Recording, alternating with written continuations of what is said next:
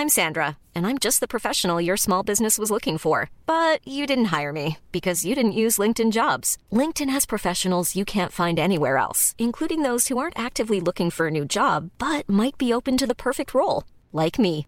In a given month, over 70% of LinkedIn users don't visit other leading job sites. So if you're not looking on LinkedIn, you'll miss out on great candidates like Sandra. Start hiring professionals like a professional. Post your free job on linkedin.com/people today. Nu kommer attack ifrån Sugarcane Hanover som går mycket, mycket fort tycker jag. Det är så fort så jag tror att Kallit kan få svårighet att svara.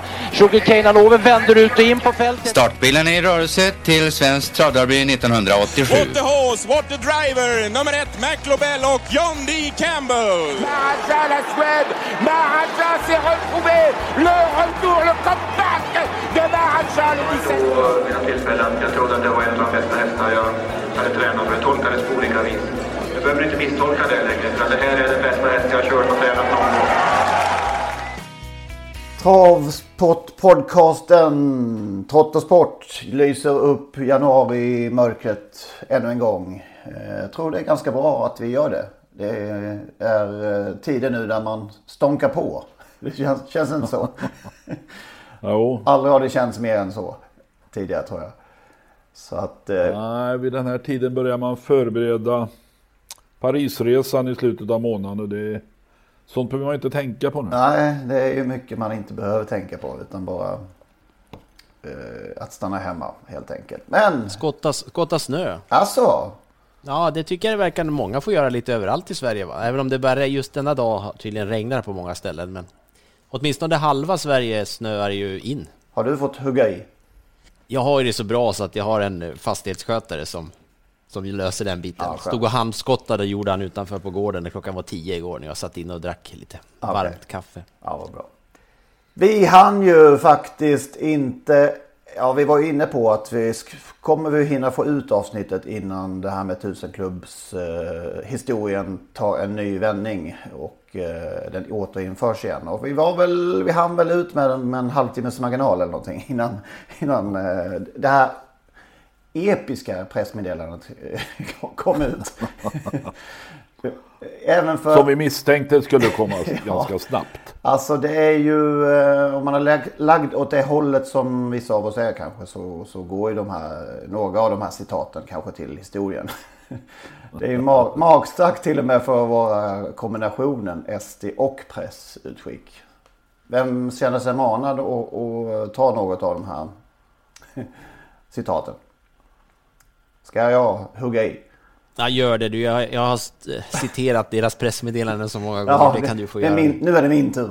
Ja. Ja, eh, ja men vi börjar då. Vi, vi förstod att det var många som skulle sakna tusenklubben och därför känns det extra bra att vi hittat en lösning på att den ska, kan fortsätta att leva. Säger Johanna Unghanse. Vi tycker Det- att tusenklubben passar perfekt att ta hand om oss på museet och vi är väldigt glada att ha fått förtroendet att ta över ansvaret. Eh, grunden i tusenklubben att vi vill lyfta fram och bevara den enskilda prestationen. Att nå tusen segrar kommer att finnas kvar. Det ser vi fram emot att välkomna nästa medlem och hoppas det sker inom kort. Säger Marita Arvidsson, museichef på Nordiska travmuseet. Nu var det inte deras fel. Ung, nej, de ska inte skyllas för någonting. Unghanses uttalande är mer anmärkningsvärt. Eh, att vi förstod att det skulle bli ett stort missnöje. Om de nu förstod att många vill ha tusenklubben kvar, varför hela friden la man ner den? Alltså varför kan inte livet vara någon gång på riktigt liksom? Det är den frågan man ställer sig här. Alltså här gjorde vi en, här gjorde vi en felbedömning, uppenbart. Eh, kan, Hade de det här i bakfickan med travmuseet innan eller dök det bara upp? Och det, och det vi vet nu det är att Hasse Svenhed som tidigare administrerat den här tusenklubben i, vid tillfällen eh, i, när han var anställd på ST, STC nu ska ta över handhavandet åt eh, travmuseet. Just det. Ja, ja, ja så, så varför, Ja, vi ska inte hålla på och älta det egentligen men jag skulle ändå vilja att någon i STs eh, översta garnityr där klev fram och sa att jag, vi låg bakom det här beslutet och vi gjorde ett misstag, vi gjorde en felbedömning. Och vi ber om överseende för det då är allt ur världen. Men de gömmer sig, sitter och gömmer sig i sina skyttegravar, vilka det nu är. Och det sägs, sägs ju till och med att de har konsulterat, tillfrågat några av dem som redan är med i klubben om de tycker det är okej okay att lägga ner den och fått ett jakande svar. Men det kan väl ändå inte vara möjligt? Det måste väl vara ont förtal? Vi, hopp, vi hoppas det, men vi, vi, någon, någon liten fågel har viskat eh, om det. Om det men, men eh, vi hoppas verkligen att det är så inte är fallet för det vore ju ja, förskräckligt. Men den här Johanna Unghans som nu uppenbart tidigare var konsult men nu är anställd i ST har ju fått stått i frontlinjen här nu och många tror väl naturligtvis att hon har tagit det här beslutet. Är det inte bättre då att om det nu är Kron eller Peter Johansson eller vem det är, kliva fram och säga vi tog det här beslutet. Tyvärr blev det fel. Nu glömmer vi det. Ja, Nej, men det är som om, som jag säger, det är som om att livet inte kan få levas fullt ut. Liksom. Det, det, det måste vara lite på lås. Ja, jag blir galen. Jag noterar förresten att den här eh, marknadschefen, eh, informationschefen eller vad det nu heter, Johanna Unghanse, sitter i samma styrelse i Hippos AB som Maria Kron. Mm. Eh, jag ska inte påstå att det är jäv, men lite åt, vad heter det? Man kan konstatera ännu en gång att det är en liten krets och att det, det blir lätt lite kletigt. Ja, det känns ju så va. Hippos AB ger tydligen ut någon tidning som heter Hippos. Eh, åt eh, ridsporten alltså. Mm, Okej. Okay. Du skulle säga något Magnus? Ja, vad skulle jag säga? Det finns mycket att säga. Jag, jag tänkte säga dels att det, det, ligger väl på lotten det här att de, den som är kommunikations... Alltså hon sitter väl på marknad och kommunikation, Unghans, det här att det är de som brukar få kliva fram och berätta de här sakerna. Det är likadant när ATG ska berätta grejer, då skickar de ju sällan fram Hasse Lord skarplöt, utan då, kommer, eh, då är det någon annan informationsansvarig på, eller kommunikationsansvarig på ATG som pratar. Det... Men har det inte blivit så här bara den senaste tiden? Det är väl bara sen, typ senaste åren? Eh, tidigare var det var ja. väl, det var väl eh, eller informationsavdelningens uppgift att, att informera, men att det ändå fanns med citat från Ja visst, att förbereda underlag för, ja. för ansvariga som ska, så att de inte ska säga fel saker. Nu, nu sa ju, nu ska man inte säga att Unghasse sa fel saker, för det var ju ett beslut uppenbarligen, men det var ju ja, travstrategiskt, vad ska man säga, det var ju ett otroligt eh, klavertramp. Det är svårt att förstå som sagt. Är, vi har sagt allt redan, men det ja. är ju Nej, det är jättesvårt att förstå och det är jättebra att det fortsätter nu, men, men alla dessa floskler i efterhand, de efterhandarna är ju sämre än man hörde när man hade totomat i Avesta när kunderna kom in och förklarade varför de hade missat V7 och dagens dubbel dagen innan. Det var ju allt möjligt. Skosnören som gick av. Ta din mest, bästa nu totomat. Uh, ja, vi, så här, ja, med, med varm kärlek ska jag berätta om, om vår stammis Sixten. Det var en fantastisk man. Han eh, han kom ju ner ett par gånger per dag. Vi hade ett helt gäng med företrädesvis gubbar som satt där och, och, och snackade och det var en fantastisk miljö att vara i. Men Sixten, han kom ner lite på dagen först och pratade om lite idéer och sen så ältade han hur det hade gått dagen innan naturligtvis då, allt han inte hade fått in. Eh, men sen kom han tillbaka på kvällen ungefär. Det var spelstopp till eh, dagens dubbel klockan halv åtta tror jag på den tiden. Vi hade ju extra öppet sådär, va? men man fick inte spela ända fram till, till eh, starten på loppet. Men halv åtta var då stod han i alla fall där, och det här gjorde han ju även på, på andra tider, men framförallt då på, på vardagskvällarna där. Så stod han med en hel bunt Dagens Dubbel, sådana här små Dagens Dubbellappar och fyllde i. Han hade, vi sa det, Sixtens kortlek sa vi. Mm. Så han stod, han hade en jättebunt med, med lappar då. Och så klev han fram till kassan när klockan var 19.28 eller något sånt där. Och så skulle, kör de här. Och vi hann naturligtvis aldrig köra den där kortleken. Och vad, på vilka lappar var det naturligtvis de rätta kombinationerna satt på? Ja, det var ju alltid på dem han inte hade fått in. Och först skulle han ju helt, ah, jäklar, jag fick inte in alla lappar idag, jäklar och sådär. Och så dagen efter fick dag han hämta vilka dag in var det så. Ja, ja det var underbart. Och så där höll han på. Vi hade den här butiken i, i, jag var ju där i två år innan jag hamnade i Stockholm där. Men, men eh, Sixten var ju trogen alltså. Mm. Det var likadant jämt. Ja, härligt det var fint, fint på sitt sätt men också lite sorgligt. Men det var, mm. det var med värmen då. Mm. Ja, vi tackar Nordiska travmuseet i alla fall som tar, över härligheterna i alla fall då. Så det lever vidare. Vi måste Vi brukar ju förbereda de här, eller planera in de klipp som vi eventuellt lägger in i eh, avsnitten. Eh, referat eller eh, tidigare händelser. Förra, efter förra veckans avsnitt så visste vi faktiskt inte om att vi skulle lägga in de här fantastiska referaten från detta magiska storlopp från 88 March of Dimes. Så därför har vi lite att tillägga här känner vi va. Ehm, från eh, förra veckan. Det var ju dels eh, banans referat. Eh, vad hette den nu banan? Jag har redan glömt. Garden State. Garden State. Och då det här. Tänk att de. Det var väl på Solvalla de hade den här natt, nattträffen. Med bland annat Lars-Gunnar Palm och Bosse Fransson på plats. Eh, de hörs ju till och med i referatet här. Det är det som är det fantastiska med det svenska referatet. Bosse Ryggen var på plats va, eh, Lennart? Vågar jag inte svara på. Det lät, ja, det lät ju så. Ja, kanske. Oh, men det, låter, det, det, var han nog. Han var på jo, plats. Jo, det var han nog faktiskt. Ja. Men Lars-Gunnar Palm då och Bosse Fransson hör man här. De har ju lite hand om, om eh, den här Solvalla-sändningen då. Och eh, dyker då och då upp i refer Ryggens referat. Det roligaste är väl då när eh, vad kan det vara, i sista sväng när Napolitano sitter i rygg på ledaren och Palm utropar Johansson kan i alla fall inte klaga på loppet. Det är liksom, Napolitano är ju inte med i matchen överhuvudtaget då, känns det ju som. ja, det är väldigt roligt i alla fall. Johansson kan inte skylla på loppet. Napolitano i spåren Go Get Lost. Nere bakom sen i andra spår kör Hanover. Har vi då Kalitanen längre ner i klungan i andra spår här närmare kommer in på upploppet med McLobell i ledningen. McLobell leder, Orasi pressar på utsidan bakom, letar Napolitano efter lucka. McLobell på innerspår på utsidan, Orasi. McLobell på innerspår, så kommer Orasi. McLobell och sen kommer Orasi och så kommer också Sugar Cane Hanover. Orasi längst ut i banan kommer Sugar Cane Hanover. Och det är Sugar Cane Hanover som vinner med Gunnar Eggen. Sugar Cane Hanover. Lars-Gunnar Palm som gick bort lite för tidigt. Eh, stor traventusiast ju. Ja, det är ju ett fantastiskt lopp. Det blev ju, precis som du säger Henrik, det, vi, vi, vi pratade ju om det, men, men sen i efterhand där, de här referaten.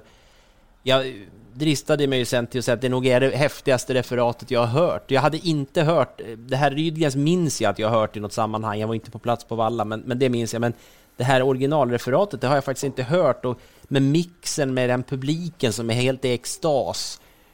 Eh, och, och denna referent då, som heter Alex Kraszewski, som, som eh, det, är, det är otroligt häftigt och den historia som sen, jag blev ju nyfiken, ville ju liksom eh, fräscha upp minnet lite grann här och jag blev ju bara mer och mer avundsjuk på Lennart som faktiskt var där. Det är ju helt sanslöst att du var där. Född. Nej, jo, det var jag ju faktiskt, men, men, men ja, ja det är, det är otroligt vilken historia.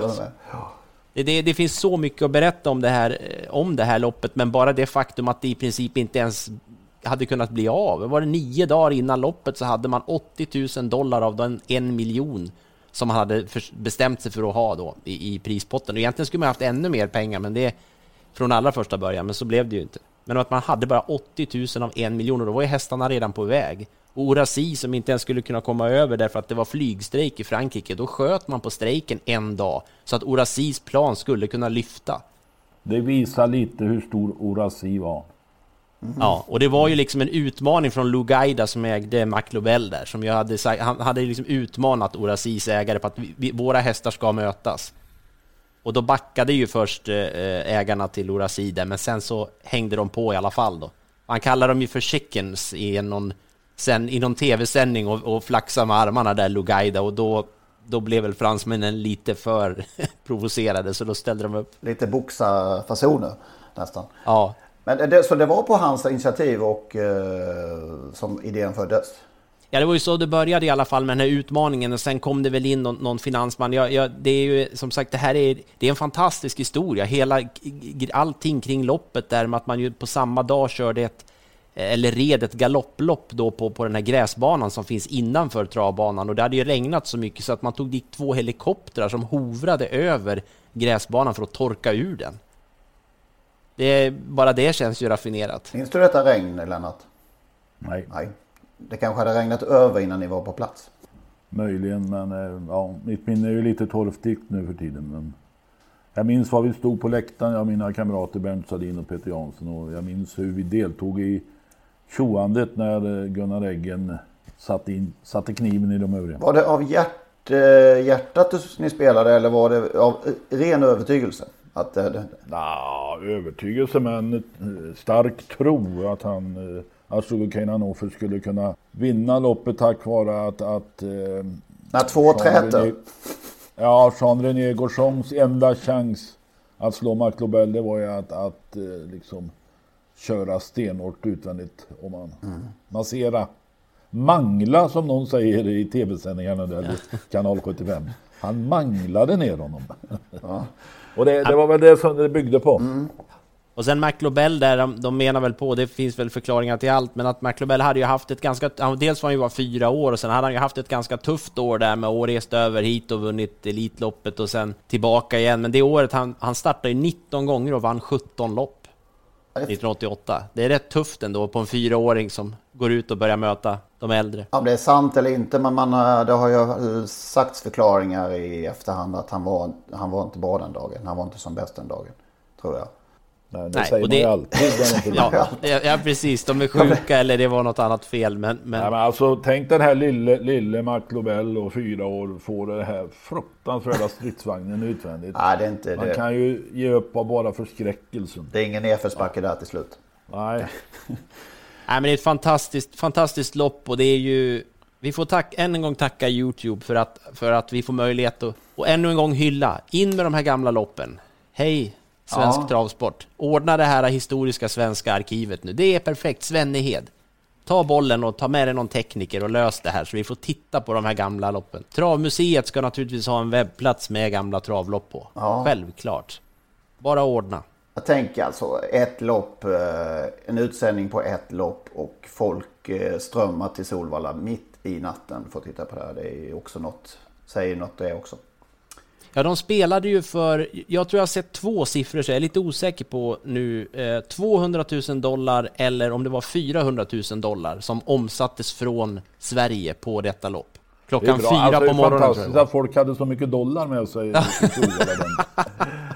ja. Buntar, dollarbuntar i fickan.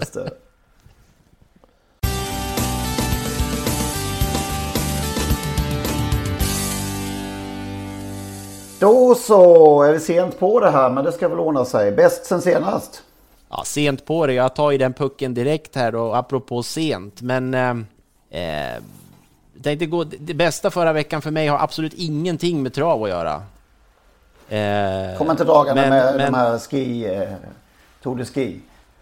Nej, det ska jag också hoppa över. Jag, jag tänkte faktiskt... Nej, jag skojar. Ja, men mycket kort eh, förflytta mig till musikens värld och gå så långt tillbaka i tiden som när Berlinmuren stod kvar. När världens bästa travhäst inte var född. Varen alltså. Och inte heller Adrian Koldini, inte Daniel Wäjersten, inte Rickard Skoglund, inte Kevin Oskarsson, inte Oskar Jandersson, inte Emilia Lee och inte Oskar Kjellinblom. Men förra veckan i fredags, efter 32 år, så kom Jakob Hellman ut med sitt andra album. Det första kom i februari 1989. Lite hetsigt tycker jag. Ja, han har stressat fram den här plattan känns det som. Eh, det var fantastiskt. Jag har ju följt honom i, i jätte, jättemånga år. Eh, han har, har ju en liten bakgrund här i Falun. Han bodde här några år också innan han slog igenom. Eh, men i alla fall, äntligen i fredags kom den och eh, ja, jag tycker jättemycket om den och jag gillar Jakob Elman. Men det var bäst för mig förra veckan. All, all travsport får stå åt sidan. Förstår jag. Efter 32 år. Mycket, mycket väl. Ja, den har rullat, den har rullat lite här också faktiskt. Och den, eh, den, den, den uh, höjer sig för varje gång. Det är precis som den första skivan kan man säga. Den var inte heller så direkt som man kan tycka idag. När alla låtar är klassiker. Men den var också lite trög i början. Ja, jättekul att den kom i alla fall. Har du något Lennart? Ja, det har jag. Inte av samma dignitet kanske, men eh, det, min upp, upplevelse, men det jag tyckte var ganska häftig grej förra veckan, det hände på Romme i fredags var det väl, där Sörtinder vann ett lopp. Eh, jag råkade titta på det här loppet direkt, jag vet inte varför. Sörtinder hade spår 1 bakom bilen, galopperade när hästen såg ut att hålla ledningen och var borta i loppet tyckte man. Man kom tillbaka och vann. Så född 2009, det var hans tredje seger i karriären. Och hans första på ett och ett halvt år. 2009, hur gammal är man då? 12 år. Eh, har alltså vunnit tre lopp och tjänat 216 000. Jag tittar på den här tränaren Rosmar, Rosmarie Södlund, B-tränare Romme. Hon har tre hästar på sin, eh, på sin träningslista. Eh, en av dem är då den, det är tre syskon, halvsyskon, Sörtinder. Alltså att döpa en, sö, en häst till Sörtinder för 13 år sedan, det är bara det en bedrift. Eh, Söråskviggen är fem år, samma mamma, och Sör... den har inte startat. Sörblixten är 14 år. Och den har vi inte sett på tävlingsbanan så mycket. Den har gjort två premielopp det senaste eh, 2009. Eh, och gick då 2.23,1 travade den.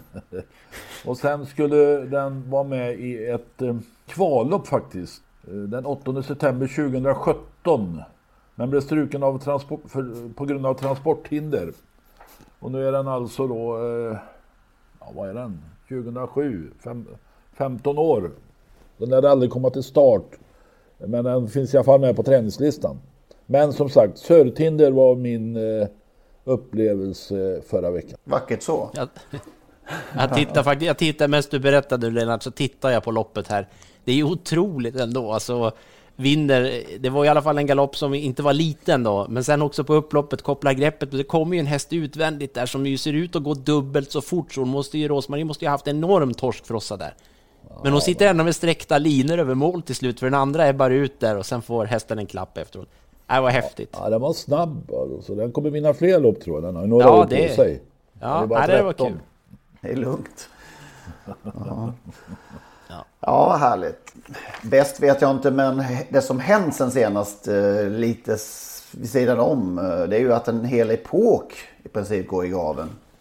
Eh, det finns ju förklaringar till detta såklart, men barnprogrammen som vi har vant oss vid kom det en liten notis som sagt kring under måndagen här om att det är slut nu med utskick av dessa. Det kommer inte gå att, få, gå att få tag på barnprogram längre.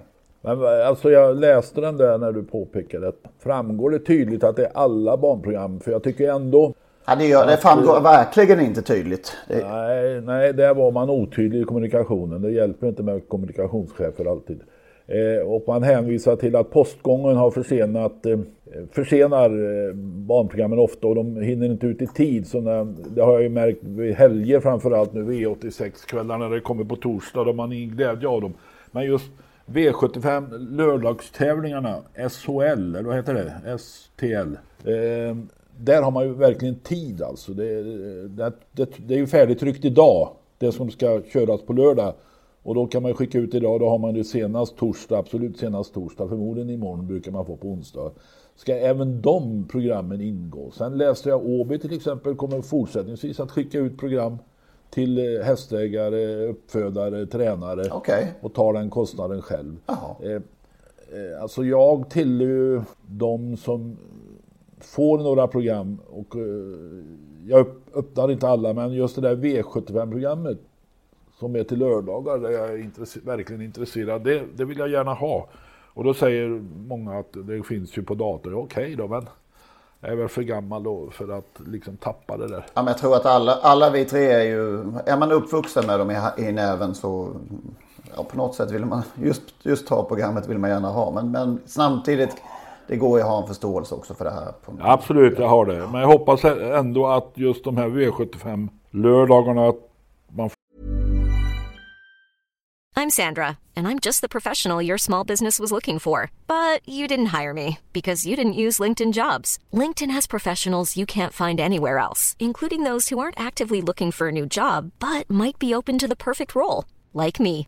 In a given month, over 70% of LinkedIn users don't visit other leading job sites. So if you're not looking on LinkedIn, you'll miss out on great candidates like Sandra. Start hiring professionals like a professional. Post your free job on linkedin.com/people today. Hi, I'm Daniel, founder of Pretty Litter. Did you know cats tend to hide symptoms of sickness and pain? I learned this the hard way after losing my cat, Gingy. So I created Pretty Litter, a health monitoring litter that helps detect early signs of illness by changing colors, saving you money and potentially your cat's life. Pretty Litter is veterinarian developed, and it's the easiest way to keep tabs on your fur baby's health right at home. Go to prettylitter.com and use code ACAST for 20% off your first order and a free cat toy. Terms and conditions apply. See site for details. Fortsätta skicka ut dem. Men jag har full förståelse för att det kostar enorma pengar och, och det är väl dessutom eh, miljöovänligt att skicka ut massa travprogram som aldrig ens öppnas. Nej, så är det, det är väl det som, just det där med att man, jag ska inte säga att man har gödslat med program. Jag gillar ju också jättemycket de här travprogrammen, det är inte det, men som, precis som det, det minns man ju själv när, när jag fick, jag vet hur många gånger i veckan jag fick program, det var ju många man aldrig öppnade. Eh, och det tror jag ju, gäller många. Jag har ju fått tre, tre program till vissa tävlingsdagar, samma tävlingsdag. Så det, ja, det är också visst. Så det där har man ju inte riktigt administrerat på rätt sätt, men eh, ändå, den där notisen gav inte riktiga, ja, riktiga svar. Ja. Dessutom skulle det nog bli, bli, bli eh, gratis för, för den eventuella publiken när väl pandemin är slut. Eh, att de skulle bli gratis då för, för alla besökare. Det undrar man ju också om det gäller alla, alla tävlingsdagar. Ska de dela ut 25 000 program en Elitloppsdag? har man ju lite svårt ja, att tänka. Nej, det, det känns inte så. Nej, ja. Ja, det är lite vemodigt i alla fall. Så kan man väl säga. Även om, om som sagt förståelsen finns. Jag, har en, jag hade en bästa grej där också. Jag ska inte bara, jag, det är ändå en travpodd det här. Jag vill ändå nämna, jag, jag passer, Daniel Wäjerstens namn passerade ju i min referens där till vad som har hänt eh, senaste 32 åren. Men, men Daniel Wäjerstens eh, upplopp, eller egentligen hela lopp där med, med eh, Algot Sonetti i lördags på V75. Hans, tennsoldats drivning där när han... Det var ju fantastiskt att se alltså. Kyl Lepentier över honom. det, var, det var oerhört. Han, jag tror han tittade utåt höger en gång på upploppet. Aldrig in till vänster på Remarkable Feet och Jörgen Westholm. Och jag, jag satt och jag, det var ju avgjort. Det såg väl alla som, som i alla fall har sett mer än ett travlopp. Som, men jag tänker de som inte är vana att titta på trav, de, de måste ju ha undrat. Mm. Men även jag, när det var 30 meter kvar, och tänkte, men du måste ju förbi också. Du kan inte bara sitta så du måste ju få hästen först. Och det, jodå, det fick han ju, men det var, ju, nej, det var häftigt. Ja. Apropå Jules Lepetier. Där såg jag på en... Eh, jag var på en liten travbana i Normandie där han skulle köra. Men två loppen innan där, de två lopp som gick före, då stod han i baren och drack eh, smötta på ett par glas där. Och det tror jag inte vi får se eh, den här eh, bergshockeystränaren Wäjersten göra. Nej, det får vi hoppas. Ingen annan heller. Apropå, jag glömde ett ord förut. Nepotism var ordet jag sökte, kommer jag på nu. Nepotism. Apropå tusenklubben. Nej, ja, apropå... Eh, vad, var, vad var vi då? Ans, det här... Eh, marknadsinformationschefen och ja, VDn som sitter i samma styrelse i Hippos AB. Nepotism. Kletigt eller nepotism, det är bara att välja. Ja, ja, in, Sweden we, ja, in Sweden we call it svågerpolitik. ja. Eh, det kan bara inte hjälpas men med jämna mellanrum så snöar jag in på det här med, med Billard och Soloa. Hur förbannat motbjudande det är. Alltså att ingenting spelar någon roll. Jag var inne lite på det förra veckan. Att det aldrig kan bli några konsekvenser kring sånt här. Så nu, nu, nu, nu kollade jag upp vilka nordiska hästar som finns i eh, dessa herrars regi. De gör ju inga... Ja, det har de väl inte gjort någon gång. Men de, de ger ju verkligen ingen, inget sken av att Soloa inte är med. Liksom. Det står verkligen Teams Billard eh, Soloa i, på deras Facebook och så vidare. Det är ju intressant också. Men jag hittade tre nordiska hästar. Martin de Boss, han är ju svensk född va? Och den finskägd? Finskägd med Mika Vihele är det som äger. Nancy America finns ju där hos eh, då Fortfarande? Philip Billard, ja. Eh, sedan ett par år tillbaka är det väl. Eh, det är ju då ehm, Equo Estate AB. Eller Stall Loimas. Som äger Lars Edvinsson bland annat inblandad. Eh, nyligen såg jag att eh, Bengt Olsson och Björn Jansson har eh, satt sin Dallas As i Bilards och Soloas träning efter att tidigare haft hästen hos Angelica Jonsson. Men nu är det alltså Fille som har den i sin vård. Som, ja, samma ägares Lover Face var ju där då när det small. Just det. Precis, utan, utan åtgärd så att säga. Eh, men ni, ja, ni får gärna höra av er och berätta hur ni resonerar här till podcast.trottosport.gmail.com till exempel. Det var intressant att höra.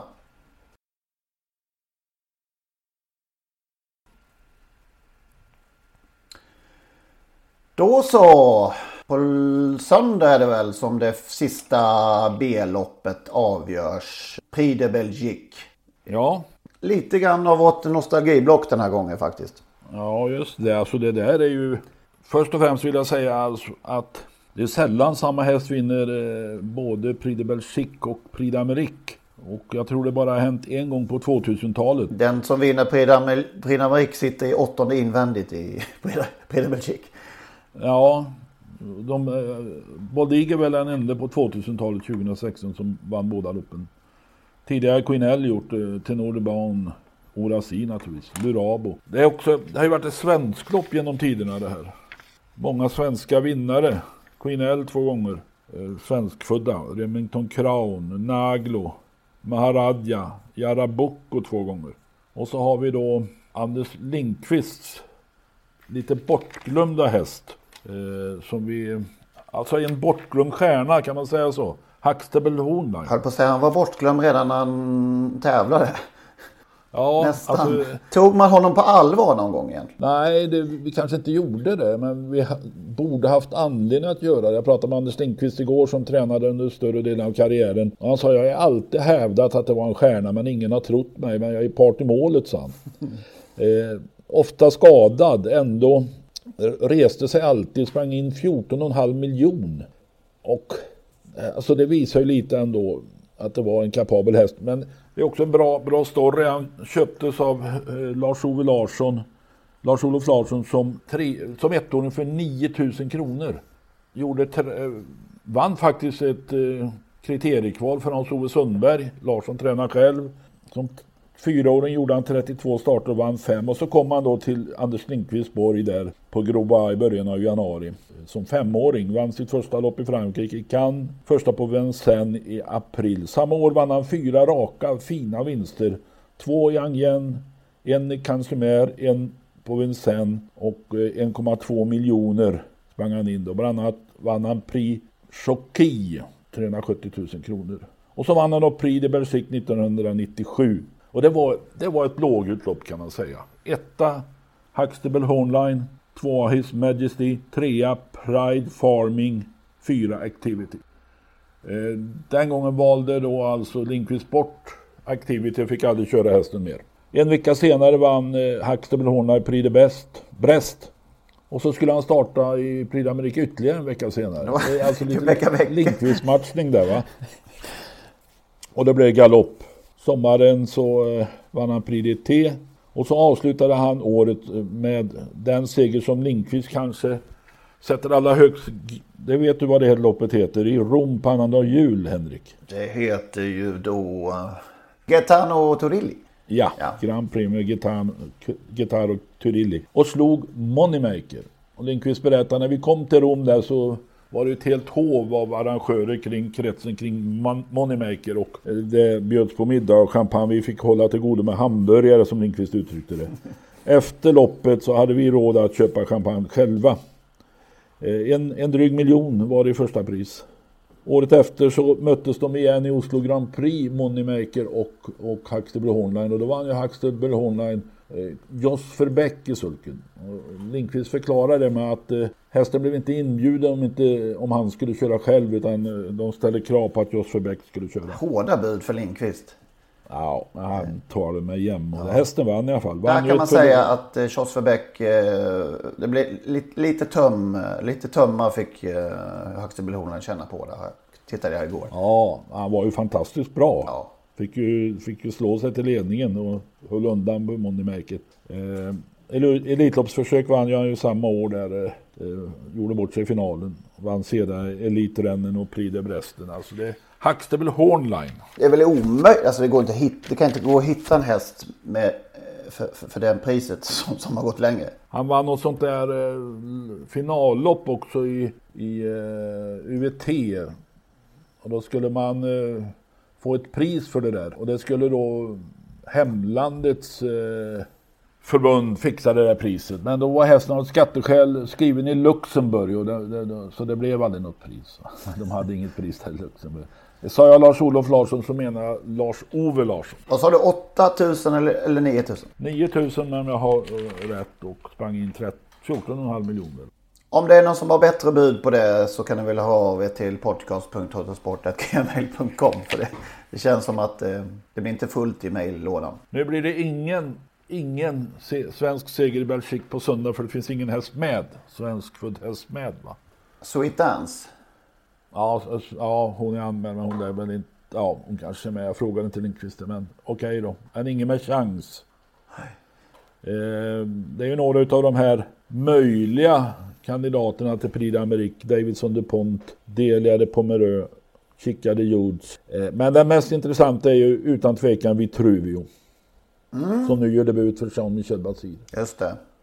Tydligen varit inne på Vincennes och gått något jättefint jobb. 14 gånger har vi, har vi nosat oss fram där till ett litet chansspel. Ja, i Prix d'Amérique. Varför det. ha ett litet smyg? Det, men det, alltså om, Vitruvio, om man hittat rätt med Vitruvio då, då kan det ju bära långt. Även om jag tror att han kommer att eh, Basir kommer att köra Davison DuPont i Prix d'Amérique. Det har han i alla fall tidigare sagt. Vad är, vad är er känsla eh, av löpningen Prix de Belgique? Liksom? Hur, hur högt värderar vi den?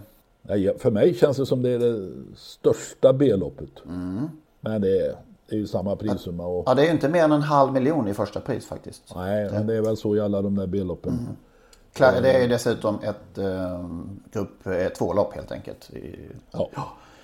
Numera har man ju chans att kvala in till Prix d'Amérique via det. Och det är ju en nymodighet höll jag på att säga. Det har väl varit några år tidigare så, så hade du i det avseendet inget, ingen betydelse. Nej.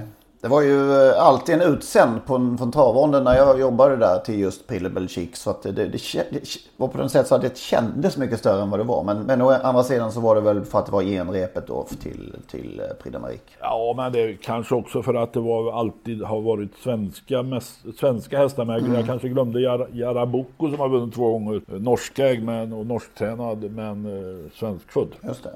Naglo var ju faktiskt bara tvåa i mål när han eh, vann. Men Kesaku Fedor bröt ut där på upploppet så de bytte plats på dem. Eh, om ni, om ni minns. Ja, det är det loppet jag faktiskt minns. Eh, nu när jag fick ransaka mig själv inför att vi skulle prata om det här så är det faktiskt just det loppet jag minns. För att jag minns först Hilda Sonets långspurt och man liksom kände att ska hon verkligen klara det här? Men sen ser man ju att de kommer att få stryk, men då fattar man att ah, det kan ju bli Naglo istället då. Och sen blir det stenhårt i mål och man är inte helt säker. Såg ut som Casacco Ferroro. Men så såg man ju också galoppen på Naglo alldeles. Så när kom den liksom? Kom den på mållinjen? Kom den efter? Och sen det var ju faktiskt ett litet snedsteg av Naglo 50 meter före mål också. Ja. Så att, eh, så att, det var, nej det, det, är ett lopp som, eh, jag minns att det var, det var spännande länge det loppet. Ja. Från Hilda Sonets attack, där Berg matar på där och sen så, ja, så det kommer jag ihåg bäst. Mm. Ja, fint lopp. Vi kan lyssna lite här på när han vann eh, Oslo Grand Prix. Och så kommer Atle med nummer sju, Right Online. Flera hästar med sjanse her, men över Online håller unna. Så kommer Moneymaker, och så har Scandal Play fått åpning. Right Online är slutkörd. Det är högst över Online som gör ett fantastiskt löp och håller undan foran Moneymaker. Huxtable Online og Joss Beck. Jos Verbeck jobbade in den eh, knappt över mållinjen före då eh, Moneymaker. Det är otroligt. Nej, jag, skulle vilja säga, att, jag skulle vilja säga säkert. Okej. Okay. Knappt men ganska säkert. det var ju alltså, tänk att, hon, att han alltså besegrade Moneymaker, denna, detta unikum två gånger i rad. Det är ju bara en sån ja, sak. Ja, det, det, det, är bra. Det är bra. Mm. Utöver detta då, vad, vad händer i eh, landet där nere i, i veckan?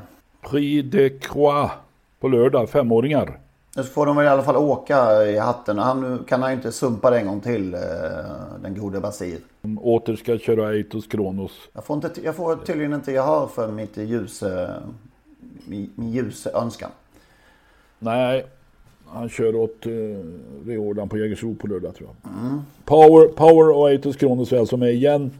Och möter då Guy de Heripre som vann Kriterium Continental och är klar för Prix d'Amérique. Eh, Gus Meras är eh, också anmäld. Eh, och det här är ju ett stort lopp för femåringar och har vunnits av många, många stjärnor. En svensk har vunnit, är det någon som kan den? Nej. Nej, spontant eh, blankt. Fyra år sedan. Invän, Sund, Frank Nivard. Körde Otto Rydén. Den var långt borta. ja, det, det, det, är inte lätt att hitta. Men om man tittar på tidigare vinnare då. Hadol de Vivier, Ideal de Gasol, Shorki, Orasi, Tené de Baun, Defido No, Lavio, Belina Josselyn, Davison de Pont. Det är ingen dålig vinnarlista. Där, där, där kan Eitos Kronos eller möjligen Power hamna. Den här, eh, jag lär mig aldrig vad den heter, Guide Repré, är det så den heter? Ja, något sånt. Eh, den lär väl kanske inte köras helt eh, för alla pris för att vinna loppet. Nej, inte om de ska vara med i Prix d'Amérique så kan du ha rätt. Och då är det väl, ja, spännande för Aietos Kronos som han såg ut Är det voltstart? Just det, det vet vi inte. Apropå eh, svenska hästar så var ju Galactica ute i Prix de, Cal de Calvados. Prix de Calvados. Fiasko. Hon, hon, hon, blev trött. Hon blev inte trött sa Lindqvist. Hon ledsnade när hon kom i rygg på, på någon eh, som stannade. Och det var ju gamle fine Karat Williams som stannade. Helt. Och då tände hon inte om. Eh, hon ska göra något lopp till. En av alla dessa bortförklaringar som sagt. Ja, ja så är det ju. Men det gick ju, alltså hon fick ett bra lopp eller, och hon, hon red ju bra Anna Eriksson eh, vid sargen där och det, det var ju stenhårt bröt hela vägen egentligen och det, det tar nog hårt första gången i uppförsbacken. De har väl vissa förhoppningar att komma med i Prix de Cornelier fortfarande men det är väl inte troligt. Men jag vet inte om det finns något annat lopp. Hon eh, ska ju, de vill gärna starta en gång till där nere. Men det kändes ju som att det vore väl bra om de kunde hitta ett annat lopp med lite sämre motstånd ändå för de de var ju fantastiskt optimistiska och nöjda efter loppet. Eh, och det är härligt när man är entusiastisk, men det kändes ju, det kändes ju inte riktigt som att, att Galactica hade någon som helst chans egentligen. De Nej. sprang ju helt enkelt ifrån henne innan den här trötta ryggen också kändes det som. Så att, eh, men de var ju skönt nöjda. Så att... Det finns ju andra värden i livet. I have a dream. Ja. Och det är att vara med i Prix d'Amérique och de har väl en dröm att vara med i Prix de Cornelier och eh, det får man ju ha stor respekt för tycker jag. Ja, absolut. Och sen som sagt, hon, det är en härlig häst och som hon såg ut när hon vann SM där på Åby också. Det är ju det är kul att de provar. Så är det ju. Det var ju någon häst där, Jalba de Pont om jag minns rätt, som var med i Prix d'Amérique år ut och år in utan att aldrig överhuvudtaget nämnas med någon form av chans. Men ägaren då, eh, Basis före detta svärfar, han är eh, ville ju vara med och då blev det ju så. Det var ju på den tiden prissummorna helt och hållet styrde vilka som var med då. Just det. Det är vi tacksamma för att den tiden är över. Faktiskt.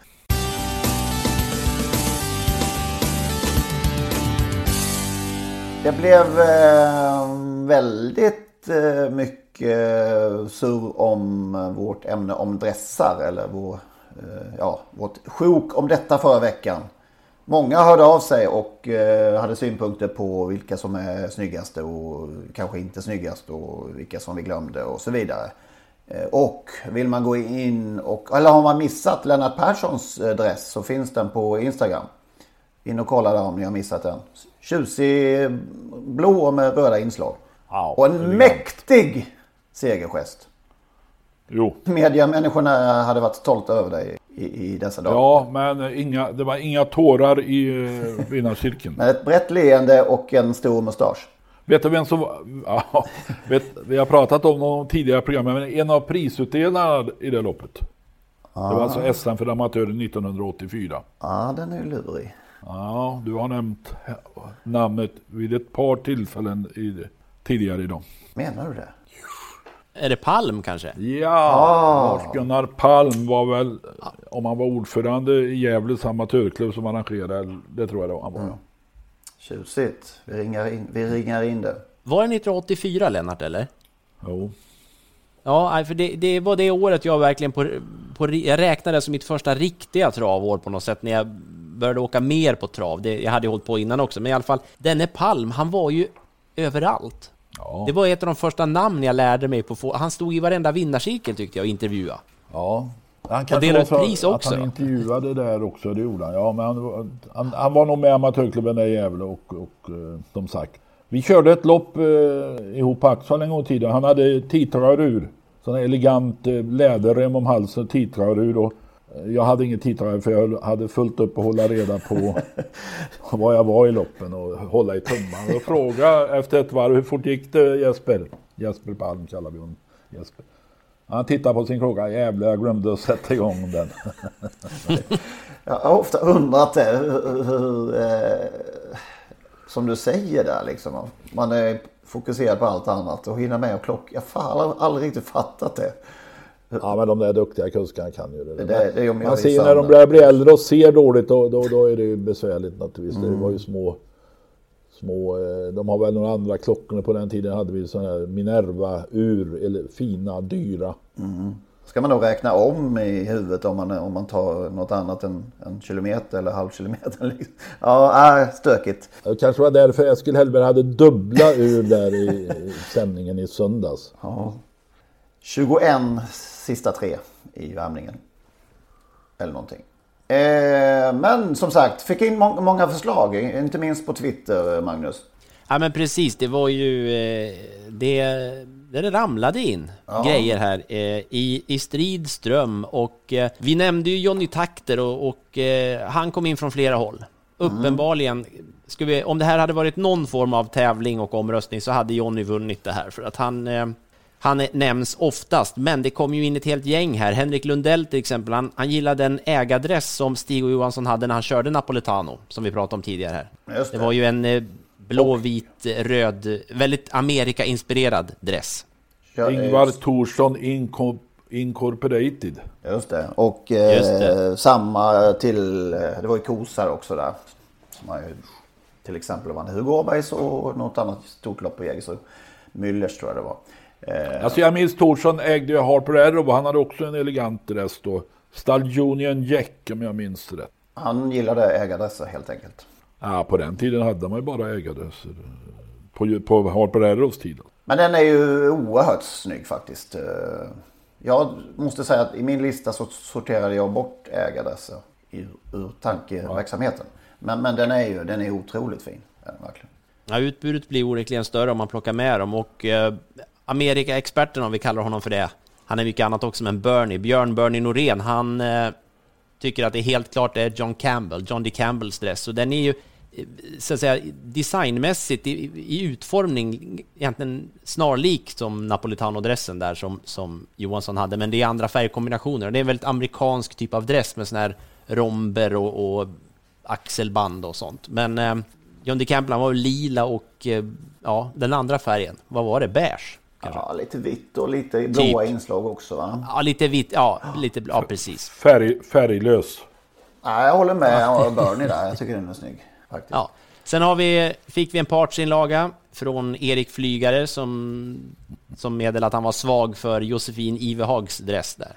Inte bara dressen. Och, eh, nej, det är som sagt en partsinlaga, men också till, till Eriks eh, försvar så har han faktiskt fått medhåll från många som gillar den där dressen. Så att det, och jag kan hålla med honom. Det är en snygg dress. Mikael Molin, han tyckte också att han var lite jävig. Han röstade på Vångens dress. Den är väl blå va? Blå och lite gul med gula inslag va? Och lite gul va? Ja. Eller lite av varje. Sen fick ja. vi...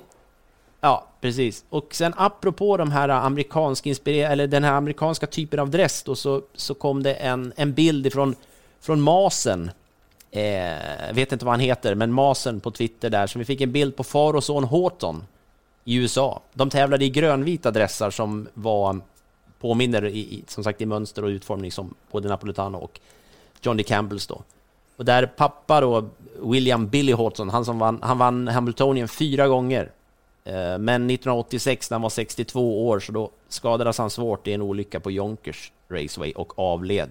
Och det samma öde drabbade även hans son några år innan där, Peter Horton, som omkom i en bilolycka när han var 25 år 1980. Han hade börjat sin travkarriär fantastiskt. Han körde sitt första lopp när han var 16 år, Peter Houghton, och han hade då innan, året innan han omkom så hade han då vunnit först 1978 och sen 1979 Roosevelt International Trot med Cold, Cold Comfort och Double Mint, det är alltså VM-loppet. Så två VM-segrar hade han och sen så dessutom 1976 då slog han av eh, sin pappa på mållinjen där när han vann eh, Kentucky Futurity med Quick Pay. Oj, oj, oj. Som ju sen kom till Sverige och eh, förädlade vår, vår travhäst rätt ordentligt kan man väl säga. Och då hade pappa Billy chansen att vinna Triple Crown med Steve Lobel, men blev alltså snuvad av sin son där. Han ju faktiskt deltagare i Elitloppet också. Ja, Ja, det var ju en, eh, ett, eh, ett eterlöfte på, på kusksidan. Han, det blev 576 segrar och 6 miljoner dollar inkört. Och sen är det då, det, det, vi minns eh, nu då är ju Peter Horton Memorial, det loppet som körs sedan 1981 på Meadowlands för att hedra Peter Hortons minne då. Tvååringsloppet, det största ju. Apropå masen, jag vet inte, det är förmodligen inte rätt mas, men det fanns ju en Göran Masen Folkesson som skötte Napolitano som jag tror jobbade hos eh, Billy Horton en gång i tiden. Mm. Intressant. Vi får be Masen, om det är Masen som är Masen så får Masen gärna berätta. Ja, verkligen. vilken Mas han är. Ja, så är det. Ja. Vidare då, eh, även Adrian Colginis namn har nämnts några gånger, hans dress där. Det, du nämnde väl pappa Luddes där senast, Henrik? Mm. Du kanske nämnde Adrian också? Jag gjorde en ranking en gång i ronden på, för många år sedan. Och då, eller många år sedan kan det ju inte vara eftersom Adrian då faktiskt var med på den där 10 topplistan tror jag det var. Så jag håller med, Adrian säger också vass. Ja, och sen hade vi från Jonas Rodin kom Leif Berggren, blågul dress. Också en dress som påminner om de här amerikanska vi har pratat om dem, men med, med gult och blått i det fallet. Och sen har vi nämnt Chylle Penitier i Prenmannen. Mm.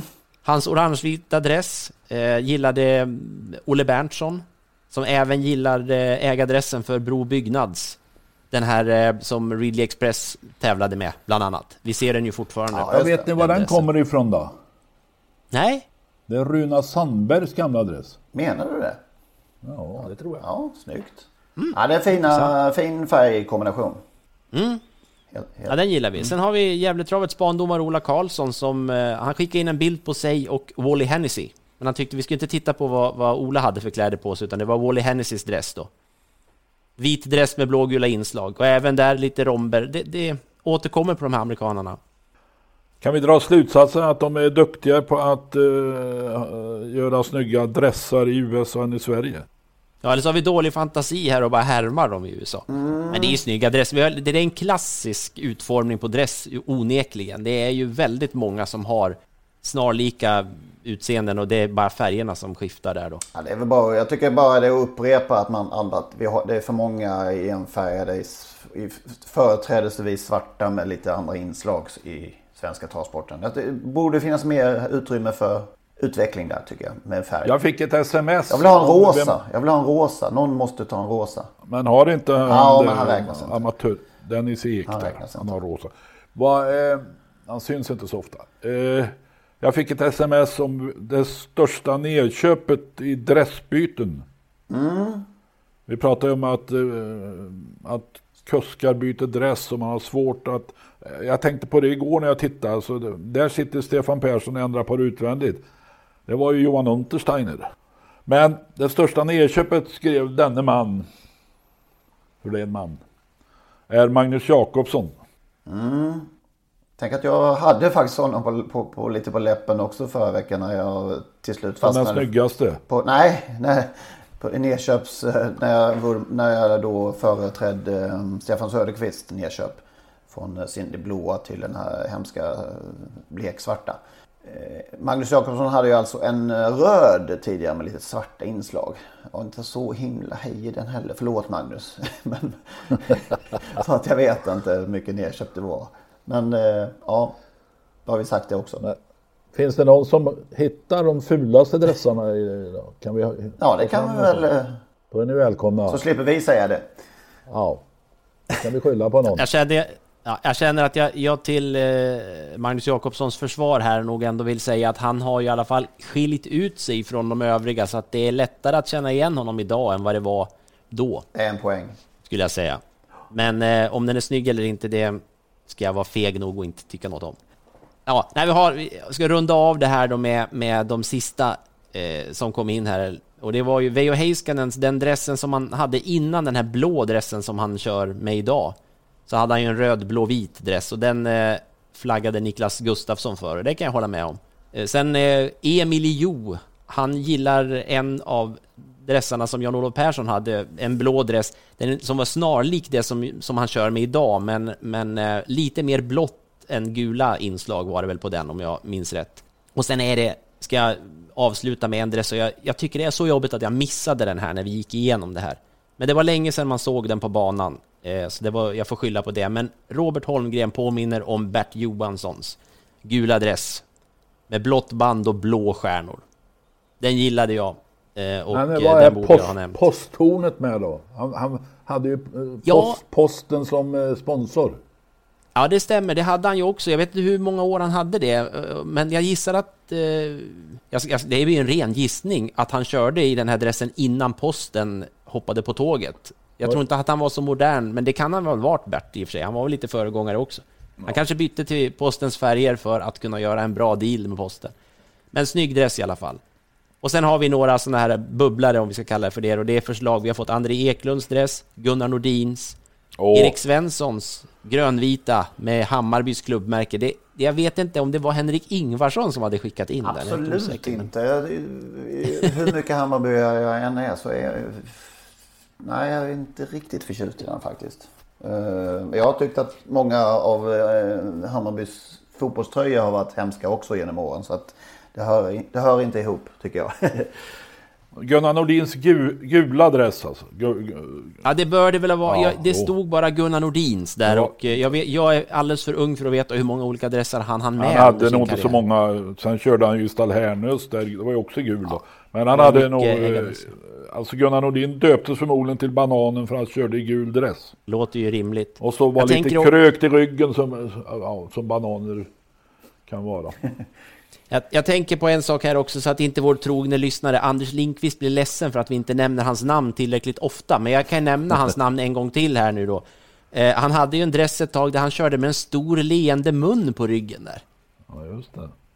Det är väl inte den snyggaste dressen, men eh, det var väl väldigt mycket Anders Linkvist över det. Jag kommer inte ihåg om det var SJ Buss han var sponsrad av eller något sånt där. Jag minns inte det, men Ja, det låter, en stor mun. låter bekant. Men faktum är att hans eh, blågrön, eh, blågröna dress var ju väldigt snygg. Mm. Den, Mm. den får vi inte glömma. Den var ju fantastiskt fin tycker jag. Ja, nu blev det väldigt mycket Ja, Anders Lindqvist här. Hasse Svennehed hade ju också eh, tre, eh, tre lika med röd dress och vit hjälm. Som man, eh, det är väl, alla tre är väl hästtäckardresser. Stall Dalias, Stall Melissa och Stall Victor. Ja, precis. Det var, den, det var det sista på listan här, men det är bra. Ja men Stall Viktor var- och Rune Turesson med röd dress med ett stort jävla V på, på ryggen. Nej. Nej, nej Melissa kan jag nog köpa ändå. Den tyckte jag Ja, var, var ja, ganska... eh, Melissa är väl lite i, i skrivstil sådär va? Ja. Bland annat då vår senaste Triple Crown-vinnare. Och sista antagligen. Eh, vad heter han nu? Gaston Pride. Gaston Pride. Ja. Ja, det var kul. Men kom in med, med fler om ni... Vi fortsätter gärna den här. Har vi inte gått igenom alla svenska kuskar nu eller? Ja, vi, säkert inte. Har ni mer så mejla gärna in podcast.autosport.gmail.com Jackpot på Jägersro, kan det bli bättre? Ja. Det ser så svårt ut. Jag brukar ju hitta någonting i alla fall när det är, när det är där nere. Men eh, det såg väldigt svårt ut. Vad har du? eh, Har du något? Har du lösningen Magnus?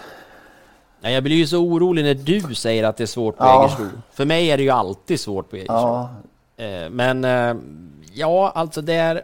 Jag håller med dig. Jag håller med. Det, det ser ju vid den här första överblicken av den här omgången när jag nu skulle då försöka hitta någonting som jag kan stå rakryggat för inför alla våra lyssnare här så det var inte superenkelt. Eh, Så det känns ju som en, en, ehm, en riktigt spännande omgång. Men två hästar, eh, jag ska nämna tre hästar men två som jag tror vinner. det är bra. Ja, ja precis. Eh, dels så är det i eh, fjärde avdelningen som är ett, ett långlopp där. En häst som ju ja, som, som har varit ute tuffat, eh, eller ute i tuffa sällskap eh, länge nu. Eh, och som nu är ute i ett betydligt enklare gäng. Det är nummer 12, Eclipse Am. Eh, han, gnet, det är sån han gnetar på, det ska man inte säga, det är elakt, han har sprungit mycket pengar. Men, men han, har, han har varit ute i tuffa gäng. Men han gick, han gick riktigt bra till slut, eller fullföljde, så det höll farten bra i den här V75-finalen som Algot Sonett imponerade i här på annandagen. Och sen senast hann han inte riktigt med där. Han sprang så att benen knöt knutar på sig själva där på sista bortre långsidan. Det var strax under nio fart där i 400 meter och så felade han i sista sväng. När inte kunde, han inte kunde springa snabbare. Men det, det, är så mycket lättare emot den här gången för Eclipse Am och den långa distansen tror jag absolut är en fördel. Ett givet streck i alla fall, för han är i nuläget är det inte många alls som har streckat den. Sen i V75 6 så kommer det ut en, en häst som Eh, vi inte har sett i Sverige, vad jag vet i alla fall. I sådana fall är det ett tag sedan. Men, men Emilion heter den. I bronsdivisionen, eh, startat eh, även från Tyskland och har gjort mycket starter i Tyskland. En väldigt speciell häst som som med Björn Goop i sulken i nuläget är ganska stor favorit. Vi gör ju det här tisdag förmiddag, det kan hända jättemycket, men, men Emilion verkar eh, bli hårt betrodd. Och när man tittar på den här hästen som den har, det den har gjort de senaste fem starterna, det, det är en väldigt speciell häst. De har aldrig varit i närheten om att köra fram hästen till startbilens vinge. Det är, vi, har, vi pratar om längder efter när starten går varje gång. Ja. Eh, han hinner liksom inte riktigt med och jag vet inte om det också är så att han, de är väldigt rädda för att han ska galoppera, för det är inte så att bilen kör så fort så han inte hinner med, utan de, de sätter bara aldrig upp hästen bakom vingen. Och det kan han ju inte göra på lördag, Björn. Jag vet inte. Ja, det är klart han ska göra en släpstart och inte i närheten av honom. Ja, men det gjorde ju alltid Stig och med Emil. Då lär väl Björn kunna göra det. Ja, det är ju snudd på, på samma häst, på att säga, med Emilion här då. Men eh, det, det, är en jättehäftig häst att titta på. När han får upp farten så, han har ju vunnit överlägset i många lopp där i Tyskland och sådär, men han står penningmässigt hårt inne i bronsdivisionen. Och jag, det ska bli väldigt intressant att se vad som händer med, med honom på lördag, hur Björn gör. Det, Björn Goop är ju Björn Goop här, så det är möjligt att det, han får till det här på något väldigt bra sätt. Men jag tycker i alla fall att, att eh, nummer 9, Quattro Töll, blir väldigt intressant i det här loppet. Han har visserligen bakspår, men, men eh, har gått bra länge, fin form och var... Jag tycker det är en svag upplaga av, av bronsdivisionen det här. Med all respekt för den här Emilion då, som häst, men jag tror att han kan komma bort. Four Guys, Four Guys Dream är ju med. Den spurtar ju oerhört senast. Ja, då får vi ta två då. Ja. Paille lär ju bli 0,7 procent den här gången. Den ska jag i alla fall jag plocka med. Om det skulle klaffa någon gång för Ja, det har varit jobbigt. Just det är väl med, på något sätt känns det som den blir mer och mer sträckad för varje gång ändå. Nu. Ja, men nu på 12 nu och de, alla har tröttat. Det tror jag. Eh, ja, sen har du en till va? Ja, jag, jag, jag skulle nog säga att jag har nog inte riktigt det, men jag kan göra en liten reflektion kring där då i gulddivisionen, Arvid Stjärnsvärds minne där, så är det ju dags för Nadal Broline igen. Nu har han väl gjort två starter tror jag, eh, efter eh, sitt långa uppehåll, eller tre till och med är det ju. Eh, och han gick ju väldigt bra till slut i, i gulddivisionsfinalen på annan dagen här. Så det ska bli kul att se honom naturligtvis, men jag, jag tycker också det ska bli spännande att se Garrett Boko i det loppet, därför att han, han har också fått ett par lopp i kroppen nu efter, efter uppehåll och eh, det är en väldigt tunn gulddivision. Så att eh, jag vågar nog inte lämna eh, Garrett Boko utanför systemet i alla fall. Kommer inte han till ledningen? Det, det, det kan han nog göra. Eh, det känns som att det är många som kan släppa om inte ja. annat till Garrett Boko där. Så att, ja. Så, eh, och sen vet man ju inte vad Björn hittar på där. Om han skickar iväg Nadal Broline och det, alltså vill ju vara tidigt framme nu. Det... Den som de som kommer först vinner kanske. Ja, precis. Mm. Att, men som du sa, det är en, en eh, öppen omgång och jag tar mig an den trots att det är på Jägersro. Så får jag vara förhoppningsfull att man är rätt ute. Kan din vinnare från förra gången eh, bli lite bortglömd den här gången, Lennart, eh, i sista avdelningen där, Bravo Santana? Kanske kan vara intressant. Ja, det tror jag från spår 8 att den blir bortglömd naturligtvis. Jag trodde också en del på Oxidizer där på Axvalla, men det blev inte riktigt rätt den gången. Eh, spår 3, Ulf Olsson valde nog den före Leonzon. Kanske inte, ja, kanske kör hellre åt David Persson, han kör ju mer åt honom kanske, men Oxidizer tror jag har toppchans här bytte spår helt enkelt. Där. Ja, ja, lite. Jag tar med båda. Det är okay. spår, hade det varit tvärtom på spåren så var den struken senast där Bravo Santana. Det...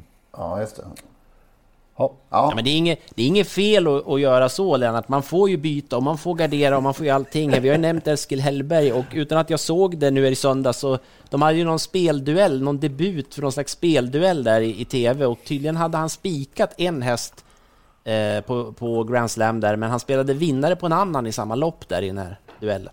Så man kan göra så. Absolut, det har man gjort tusentals gånger. I, man, in, som som eh, nästkommande framme i luckan i Totokön har man ju bytt både en och, både en och hundra gånger. Ja. ja. det är spelstimulerande i alla fall att stå i tv och, och, och eh, förorda att man ska spela fler hästar i samma lopp. Visst, det var olika spelformer, absolut, så är det. Men ja. ja.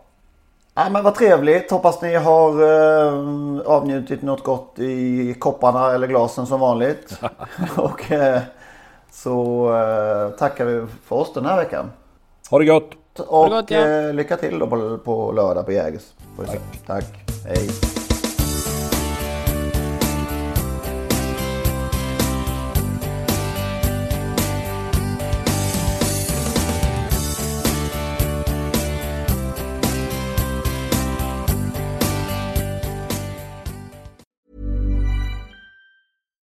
Deserves the best, and there's no better place to shop for Mother's Day than Whole Foods Market. They're your destination for unbeatable savings, from premium gifts to show-stopping flowers and irresistible desserts. Start by saving 33% with Prime on all body care and candles. Then get a 15-stem bunch of tulips for just $9.99 each with Prime. Round out Mom's menu with festive rosé, irresistible berry chantilly cake, and more special treats. Come celebrate Mother's Day at Whole Foods Market.